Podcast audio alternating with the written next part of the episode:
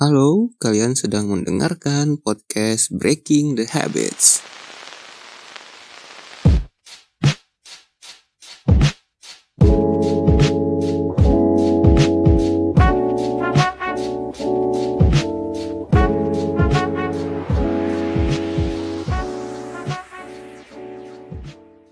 Rizkia Octaviano Gunawan. Oh lahirnya bulan Oktober ya? Betul. 100 baru. Lo kan udah jadi barista nih Ki Ah, Di Paringi betul. Sebelum di Paringi lo di mana? Sebelum di Paringi gue di Galaxy. Namanya toko kopi seduh. Kopi, Tapi oh, sekarang itu udah ganti nama. Namanya jadi Kopi Tala. Kopi Tala Ah, Terus pengalaman lu jadi barista udah berapa lama? sama sekarang nih. Ah, sampai Pas sekarang gue di Paring jalan 2 tahun kurang lebih. Dua tahun Dua tahun. Dari lu kuliah berarti? Apa udah kelar? Gue belum kuliah. itu lu baru lulus SMA Baru lulus SMA langsung Yang ke kerja. Galaxy itu? Oh pas banget itu. Pas banget gue apa ya? Pengumuman ah. satu minggu setelahnya gue langsung lamar kerja padahal lagi iseng buka lu buka OLX Ah. kan di situ bisa cari lowongan pekerjaan juga Emang bisa ya OLX ya? Bukan jual beli dia ada lowongan pekerjaan Oh terus di situ ada yang eh pa- apa, apa namanya? nah kebetulan sebenarnya itu gue nggak nyari nggak ngeliatnya itu job desk sebagai barista sebenarnya. Awalnya itu mereka nyarinya crew kitchen. Lah Nah. masak dong anjir. Iya justru itu. Awalnya gue jadi crew kitchen dulu. Hmm. nah jalan satu minggu terus akhirnya kayak kurang nih tenaga baristanya. Oh berarti dia tuh konsepnya bukan coffee shop dong yang di Galaxy itu? Coffee shop tetap Tapi coffee ada shop. kitchennya juga. Jatuhnya kayak. Cafe kayak, lah. Kayak, kayak cafe, Cafe lah. biasa, bukan coffee shop Ya, yang. gua gua gitu. ngenilainya juga bingung itu di antara coffee shop atau cafe karena kopinya ada kopi filter juga V60 itu. Oh. dan lain-lain. Tapi lu awal pertama kali ngelamar, ada emang nggak ada ini berarti nggak ada pengalaman. nggak ada gua fresh graduate. Enggak maksudnya pengalaman di bidang kopinya gitu loh jadi Nggak barista. ada, kan? nggak ada. Nggak ada. Benar-benar dari nol. Samsek itu dari nol. Berarti kalau ada orang nih ya kepengen jadi barista, nggak perlu harus belajar dulu. tergantung. Tergantungnya gini. Lu cari lowongan itu eh, mereka itu nyarinya yang udah berpengalaman atau nyarinya emang bener-bener fresh graduate. Yang baru, yang pokoknya masih bisa diajarin gitulah ya. Betul, karena emang beberapa banyak nggak hanya orang yang punya pengalaman doang yang bisa kerja di barista. Oh. Berarti andai kata ada anak yang ada anak lagi ada ada orang nganggur nih. Oh, terus dia kepengen cari kayak side hustle tuh atau penghasilan tambahan dari jadi barista hmm, berarti dia nggak perlu ada keahlian khusus untuk enggak. Ngerti kopi segala Makanya macam. balik lagi ke orang yang nyari peg- eh, tenaga kerjanya itu, maksudnya si coffee shopnya. Dia mau Oh. butuhnya yang kayak gimana? Nyari yang yang untuk part time. Tapi mungkin rata-rata part time nggak harus yang punya pengalaman di barista. Maksudnya gue yang di bar nggak nggak harus oh karena mereka kadang-kadang gua ngeliatnya cuma butuh backupan saat weekend karena lagi hektik-hektiknya banget kan. Pasti oh ramai iya pas kalau weekend. lah pasti sih. Orang kan pada nongkrong semua. Seenggaknya mereka itu nyarinya yang kayak Seenggaknya lu bantulah bikin racik nih minuman tinggal racik-racik. Kan ada SOP-nya tuh. Iya benar. Nah itu doang sih menurut gua ngeliatnya. Oh. Tapi waktu lu pertama kali kan lu pertama kali tadi di galaksi itu yang diseduh Hmm. ya kan? Itu tuh waktu pertama kali lu masuk apakah lu sulit untuk beradaptasi gitu? Biasanya ada tuh orang yang kayak baru pertama kali nyobain kerja nih. Pasti kan kayak kaget gitu kan Kagok gitu lah istilahnya kayak kalau "Aduh, gua ngapain, gua kalau ngapain." gua eh, nggak terlalu kaget banget sih dalam artian gua awalnya justru nggak terlalu suka. Nggak Sama kopi itu? gak terlalu suka. Gue jalan enam bulan kerja di situ gue kayak ya udah lu pulang datang untuk kerja pulang balik lagi ke rumah. Udah sekedar itu doang. Oh. Terus satu bulan ya gue harus nerima gaji ya kayak gitu. Sama kerja ya kerja aja kalau gue dulu. Itu lu di situ berapa lama berarti? satu tahun Setahun? satu tahun. Oh betah juga berarti lah di situ ya? Ayah. terus akhirnya gue mulai tertarik ketika gue belajar latte art Oh iya bener. Kenapa? Karena gue ada pressure sendiri. Wah gue harus bikin latte art tulip wah gue harus bikin rosetta gitu ya? love. Ah, gitu. Lama Dan gak itu belajarnya? Soalnya kan gue suka ngeliat juga tuh di Youtube Kayak orang bikin latte art Ya kalau lihat mah gampang. Cuma gitu lu praktekin kan kayak Kalau gua waktu susah banget. waktu itu gua mungkin enam bulanan, 6 bulanan? Enam bulan. Itu untuk bikin satu pattern. Satu pattern. Oh gila Lama juga ya? Iya. Sebenarnya dia tuh susahnya di mana sih kalau bikin latte art? banyak lebih ke teknik. Kalau dia lebih lu belajarnya harus di tekniknya sendiri. Oh. pertama kalau untuk latte art itu lo harus belajar nge-steam susunya Ah, nge-steam susunya terus susu apa yang lu pakai itu ngaruh juga. ngaruh banget banget Maksudnya kayak susunya tuh eh, mereknya kah yang ngaruh atau tipe susunya? jenis susunya Kayak misalkan ada yang low fat, ada yang biasa. Nggak kan karena gue dulu itu kenapa susah belajar latte art gue dulu itu pakai susu UHT Ah? seharusnya yang lebih, lebih bagus itu ya fresh milk Oh. itu untuk belajar latte art dan lu serving untuk customer ya lu latte latte itu ya harusnya pakai fresh milk Maksudnya pakai flash meal. Eh, kenapa nggak bisa pakai UHT tapi nanti eh, art lu nanti bakal pecah-pecah Maksudnya? pecah-pecah dalam artian si susunya pecah di atas ya si foamnya Oh, bentuknya nggak padat gitu ya? iya Oh, berarti sama kayak kalau misalnya pakai susu ini dong, susu apa? Eh, kental manis. apalagi itu Ya kan mirip-mirip gitu tuh. Kalau pakai kental manis kan orang bikin latte art pasti tiba-tiba udah ke disperse aja gambarnya. Kalau mungkin kalau SKM itu rata-rata buat belajar doang kalau buat latte A, latte untuk kita serving ke customer enggak kayak Oh, supaya lebih murah aja kali ya. Karena kalau pakai milk kan mahal anjir. mahal Lagi kalau mereka terlalu- cari inisiatifnya ke SKM Oh. buat belajar Tapi kalau balik lagi nih ke kopi ya. Kan tadi lu ngomongin eh, apa namanya latte. Betul Cuman kan kalau sekarang kan kopi sekarang tuh rata-rata ya kopi susu biasa gitu kan. kopi susu biasa Ah itu itu lu bi- untuk bikin kopi susu biasa tuh misalnya kan karena lu barista kan ya. Iya. Itu lu yang bikin resep atau emang dari coffee shopnya udah, udah bikin resep lu tinggal ngikutin.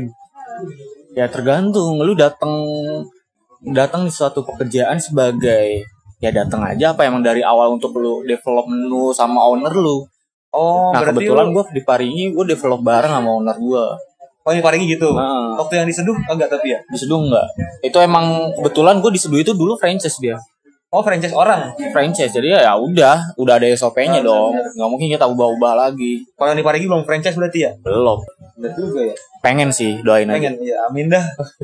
Cuman lumayan juga kalau di franchisein anjir. iyalah kalau bisnis F&B itu banyak banget buat lu ngasilin uang nggak hanya buka usaha Iya, buka usaha dalam arti bukan satu toko aja Iya. sampai lu dari cabang Bercabang-cabang gitu. cabang mau Jadi- franchise bentuk franchise bisa juga banyak sih Ya, pokoknya seperti eh, yang penting tuh source of income-nya banyak gitu kan ya. betul Bukan cuma satu doang. betul Cuma tadi yang lu bilang itu yang bikin kopi susu tuh berarti resep lu. Dari dari mulai kopi ya itu de ya develop bareng maksud gua develop ba- bareng bukan punya gua resep gua enggak Oh. bareng-bareng kita kita apa bareng-bareng. berapa kali wah ini kurang cocok ini Oh. kurang enak ini kemanisan ini terlalu pahit gitu loh enggak dari situ Gue kirain tuh lu awalnya di sini tuh kayak ya udah dibikinin sama ownernya gitu cara karena bikinnya. untuk develop menu itu tricky banget ya dalam artian lu harus nentuin biji dulu Heeh. lu pakai house blend apa nih pakai kopi apa dulu House blend tuh berarti ini ya yang Campuran. Arabica campur Ah, campuran robusta itu ya. Ah, apa lu mau pakai full arabica apa pakai full robusta Oh. kan sekarang kita nggak tahu coffee shop coffee shop yang lain nggak nggak cuma satu patokan kan mereka nggak mungkin 50 50 semua sama pasti rata-rata beda-beda Oh, benar juga. gitu ya itu mas gue yang agak susah itu dalam artian lu harus tentuin si kopinya lu pakai apa contoh kalau kita bahas kopi susu aren lu arennya pakai apa gitu loh ada yang pakai liquid ada yang pakai powder Emang ada powder ya? Aren? ada Bukan yang padatan gitu biasanya yang bulat-bulat. Ah ada yang bulat bulat kayak gitu juga ada lagi yang powder bukan powder sih mas dalam artian kristal kristal kecil gitu Oh. ada yang kayak gitu Artinya berarti lu waktu di Paringi ini lu direkrut sebelum jadi apa? sebelum jadi sebelum sebelum sebelum jadi. sebelum Oh berarti Paringi gue ber gue bertiga perekrutmennya sebelum jadi berarti ya? hanya gue Oh cuma lu doang. Oh, Oh. after itu kita nggak hire orang lagi buat nyari barista Yang pertama itu kan kalau nggak salah singkat gue barista tiga kan ya? Apa dua sih? dua Oh, dua dua ya? satu lagi sama cewek Oh, yang cewek itu di hire setelah eh, Paringi jadi. parinya jadi Oh. pas kita hamin dua nih kita butuh barista atau hamin tiga gitu kalau nggak salah ya udah kita hire orang nah jadilah jadi barista ini gua berdua ngebar sama dia Tapi seenggaknya menurut gue tuh kayak keren aja gitu loh lu. Dalam artian lu tuh eh, masih baru bener-bener fresh banget lulus dari SMA berarti kan? Ah, ah. Itu awalnya jadi barista. Terus sampai sekarang pun masih menggeluti bidang kopi ini. Berarti kan lu pengetahuan tentang kopi juga udah banyak banget ya? ya itu maksud gua ketika lu nyemplung di satu bidang lu harus belajar dulu namanya lu belajar ekosistemnya belajar industrinya belajar culture-nya ya itu semuanya harus lu pelajari gitu ya kan gua itu termasuk orang yang kecemplung dalam artian gua udah nyemplung ya tanggung nih basah aja sekalian gitu Oh, ya benar, benar. jangan ciprat-cipratan doang ya gua mau nggak mau gua harus belajar lagi kopi gitu loh Oh. ya itu yang sampai gue bulan depan gue bakal ke Bandung. Ah, ngapain lagi ke gue Bandung? belajar kopi dari hulu. Source-nya maksudnya petaninya gitu ya? petaninya dari petaninya dari kebunnya langsung gimana itu proses kopi ditanam pasca panennya. Gitu loh kan. Kopi kan banyak tahapannya. Kita dari hulu. Tahap kedua itu ada roaster Ya. roastery atau roasting. Gitu loh. Nah tahap terakhirnya ada di barista gitu. Berarti lu bulan depan ini niatnya mau ke kebun kopinya itu? Bandung. Ya Oh, gua mau belajar lah seenggaknya di sana. Jadi untuk nambah ilmu juga biar gue tahu juga oh gi- gini. Nanam biji kopi nanam pohon kopi kayak gimana saat dipetik gimana panennya gimana pasca panennya gimana gitu loh tapi itu benar-benar mempengaruhi rasa juga kan berarti iya bener dari cara pengelolaan dari awal banget. semua dari awal dari titik nolnya lu nanam biji kopi itu Heeh. tapi mungkin kalau nentuin rasanya mungkin dari proses pasca panen ya Oh. ada namanya pasca panen Heeh. di situ pasca panen eh, ada dua bagian ada dry sama wash Ada wash Oh, wash. Ah, yang satunya natural yang satunya yang dicuci pakai air gitu lah Oh, beda lagi? bahasa awamnya gitu Oh, gua nggak tahu ada gitu. Nah, untuk memperdalaminya lagi banyak lagi cabangnya mereka nggak dry itu ada lagi cabang-cabangnya wash itu ada lagi cabang-cabangnya Oh. Nah, abis udahlah pasca panen jadilah green bean. Habis itu mereka nyortir ke roastery. Nah, Si roasternya ngerosting biji kopinya. itu yang bisa diatur segala macam ya yang kayak Betul. sampai Namanya di gitu. sangrai lah, di sangrai. Eh, yang sampai warnanya ada yang hitam, ada yang coklat biasa. Nah, itu tingkatan eh, level untuk si biji kopinya ada light, Oh, ada medium, ada dark. itu berarti semakin dia ke light tuh rasanya makin asam gitu ya, bukan? Tergantung. Oh, beda lagi. Eh, makanya kalau kita ngebahas kopi itu nggak satu tambah satu dua enggak. Soalnya gua tahunya cuma kalau misalnya yang ya. dark tuh pasti pahit kan. Hmm. Soalnya emang eh, lama di sangrainya. kita itu tergantung sama biji kopinya dia ditinggi di eh, ditanam di berapa ketinggiannya MDPL vari varietasnya apa gitu loh pasca panennya dia kayak gimana nah baru dari situ belajarlah di roasting Tapi lu beneran ngerti berarti ya? seenggaknya gue paham Bisa kan tapi untuk ya? kalau untuk bela, bela- eh, praktiknya langsung ke lapangan belum tapi Oh. pengen nanti Pengen cobain itu ya. banyak Kayak lah pengen filosofi kopi jatuhnya. Oh, pengen Kan keren anjir. itu satu impian gue juga tuh keliling Indonesia buat apa nikmatin kopi Indonesia sih Sambil belajar. sambil belajar itu dia. dapat relasi baru yang Heeh. itu sih yang gue pengen Nih, pertanyaan terakhir dari gue nih. yuk Lu kalau disuruh milih mending bikinin kopi susu biasa atau kopi latte?